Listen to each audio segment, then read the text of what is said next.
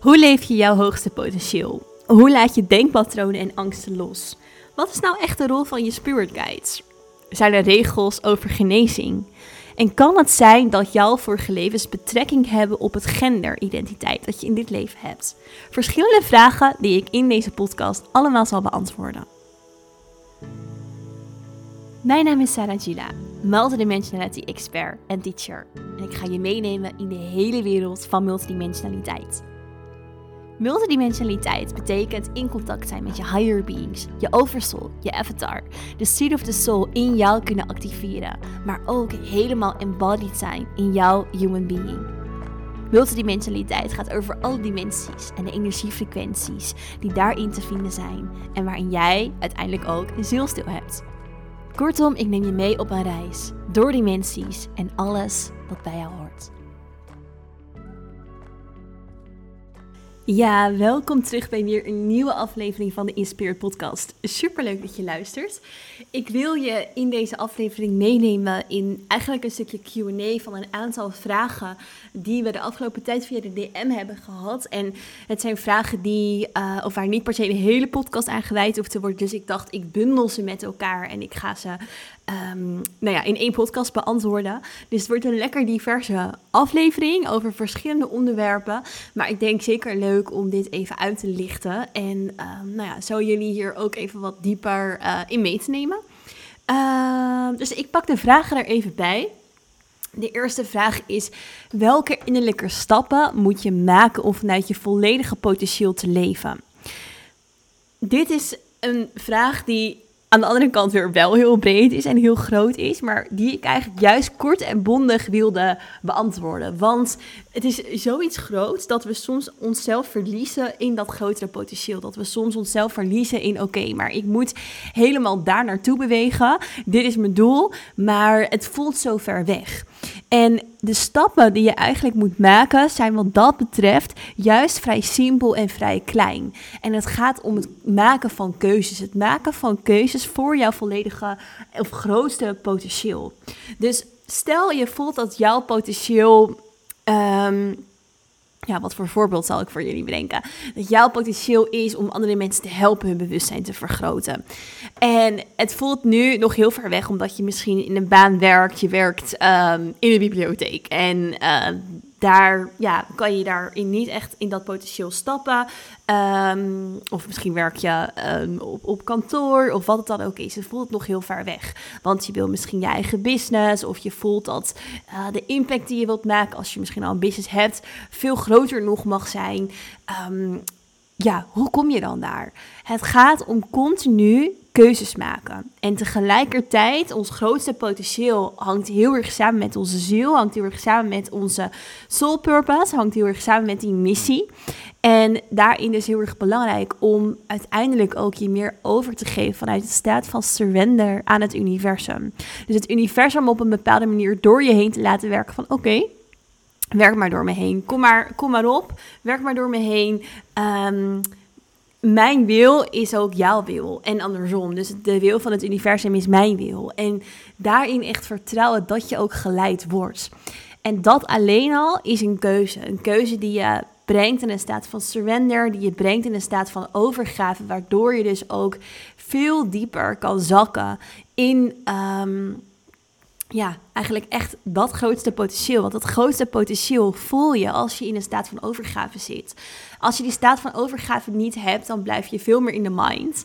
En net dat je veel meer in de mind blijft, probeer je dingen zelf te controleren. Blijf je in het controlerende zitten. Blijf je in het beperkte denken van de mind. En denk je misschien dat je um, bepaalde stappen moet nemen om daar te komen, terwijl er nog veel meer mogelijkheden zijn. En die kan je dan niet zien. Die, die kan het universum niet door jou heen werken, of kan het je niet laten zien, omdat je het te veel probeert te controleren.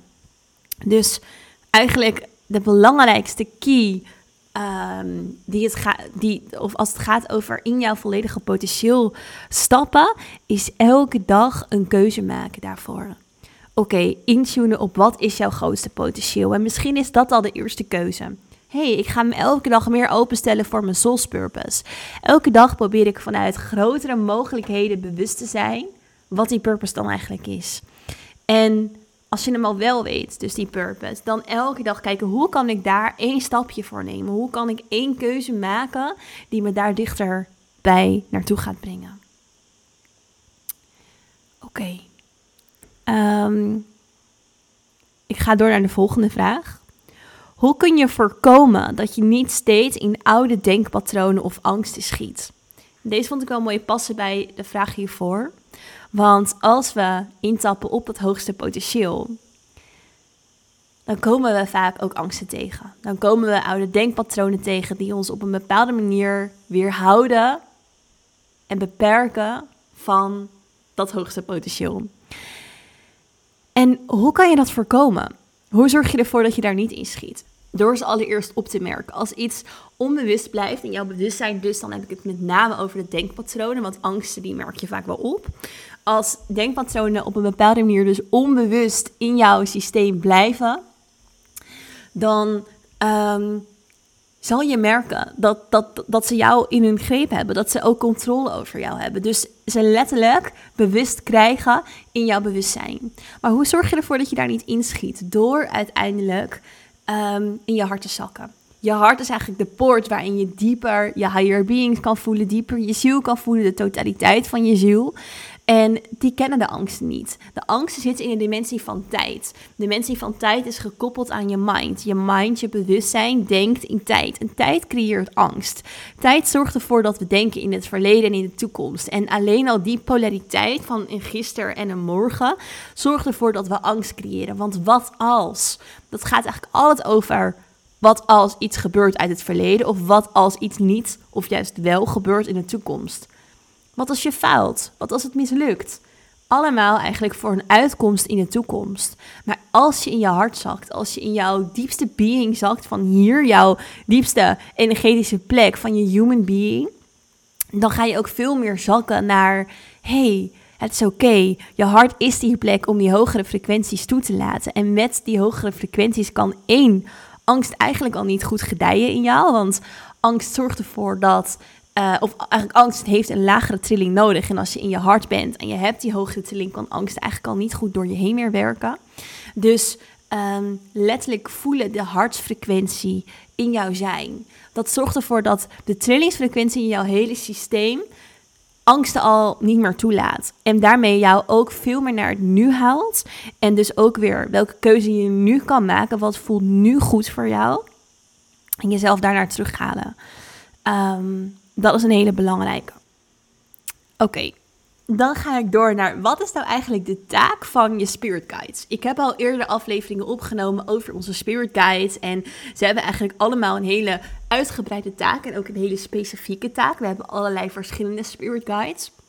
Dus we hebben hoofdgidsen. Dit zijn gidsen die echt onze missie eigenlijk in het vizier houden, die ons helpen letterlijk die missie en die visie en die hogere potentie, het hogere potentieel waar we het net over hadden te leven. Dus zij zorgen ervoor dat er kansen op je pad komen, waardoor je ook in dat hogere potentieel gaat staan. Wij hebben de douche van vergetelheid gehad. Dus we zijn vergeten wat die missie is. We zijn vergeten waarvoor we hier naar aarde komen. En onze spirit guides zijn er om, ondanks dat wij het vergeten zijn, ons toch de goede koers op te laten gaan toch de goede richting op te laten bewegen. Je hoofdgidsen die zijn er altijd voor je. Je hebt ook beschermgidsen en beschermgidsen beschermen je. Die zorgen ervoor dat je protected bent voor um, nou ja, wat het dan ook is.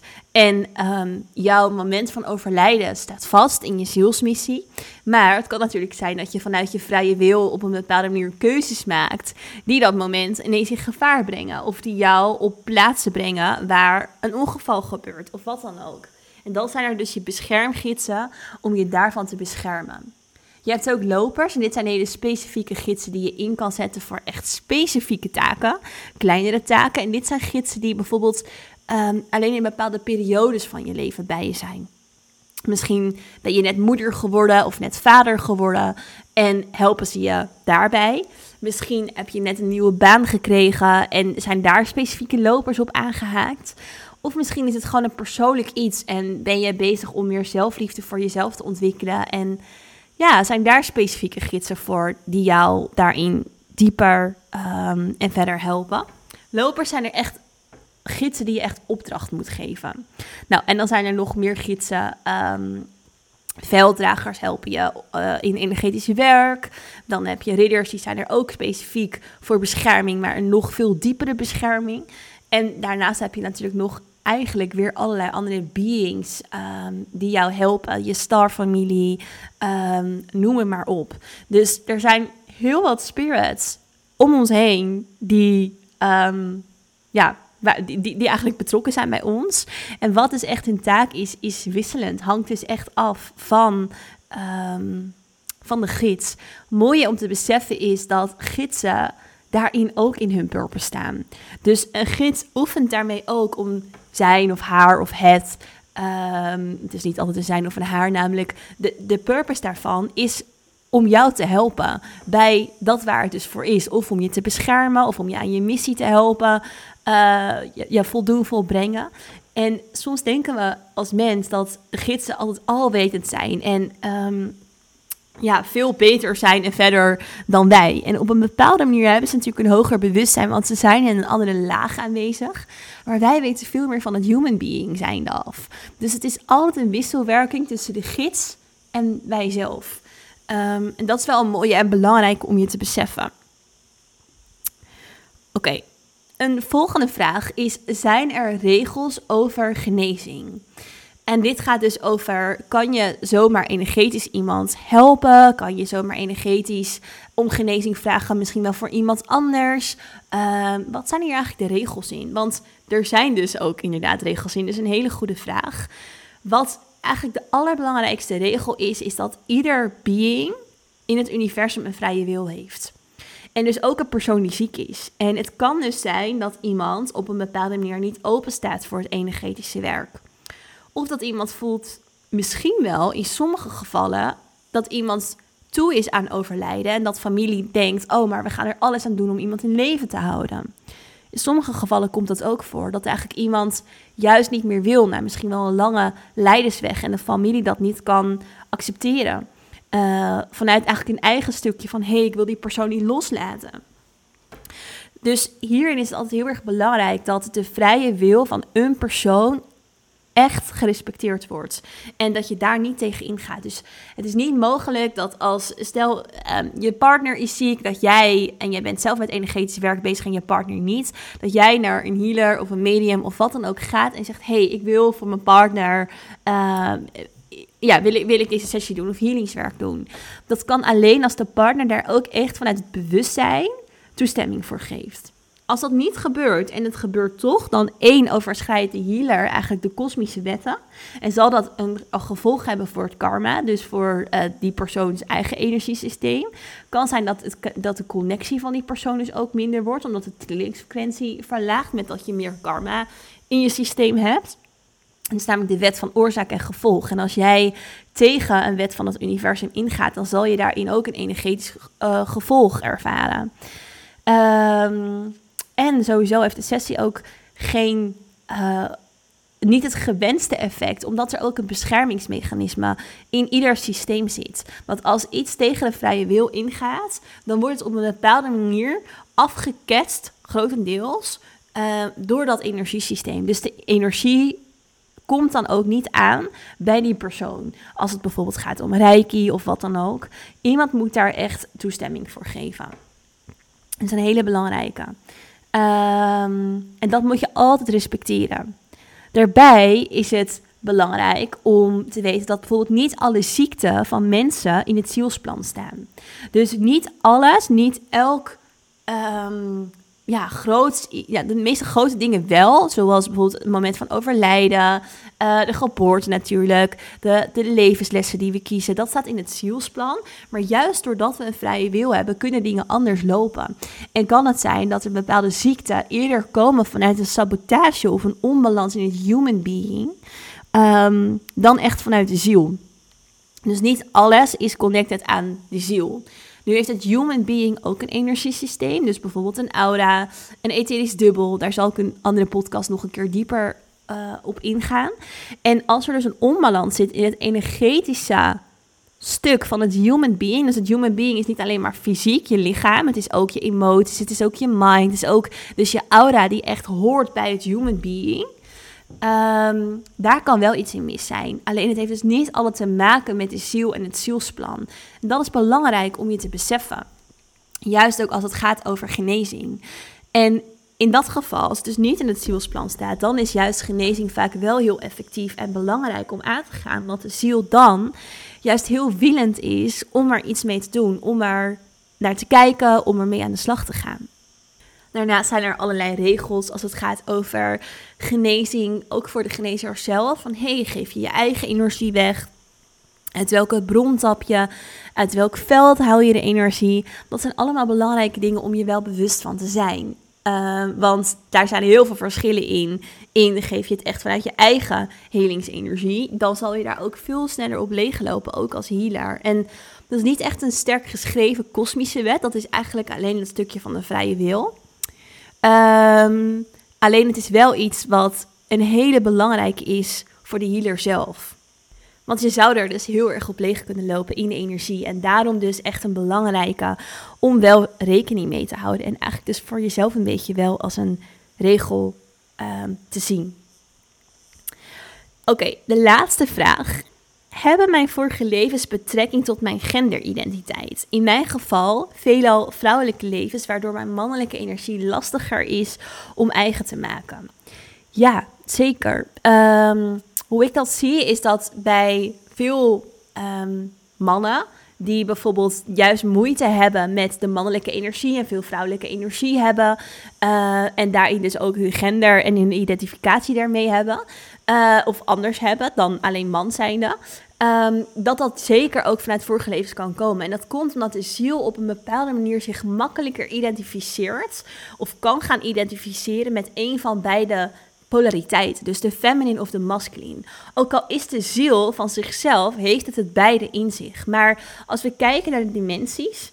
Dus we hebben natuurlijk de bewustzijnsdimensies. Dan is de twaalfde dimensie echt de divine masculine. Het is de, ja, de all-creator. Um, en het bewustzijn daarvan.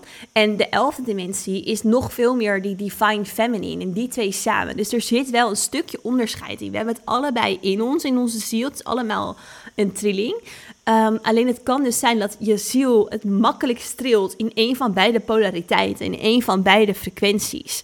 De tweede dimensie is de dimensie die heel erg gaat over polariteit. Dus nogmaals, dimensie is een bewustzijnslaag, is een bewustzijns Um, ja, waarin jouw bewustzijn rijkt. Tweede dimensie is echt polariteit, is of het een of het ander. Maar als het gaat over deze twee kosmische energieën van de feminine en de masculine, dan zien we die ook nog terug in de allerhoogste dimensies. En dan dus die elfde feminine, twaalfde masculine.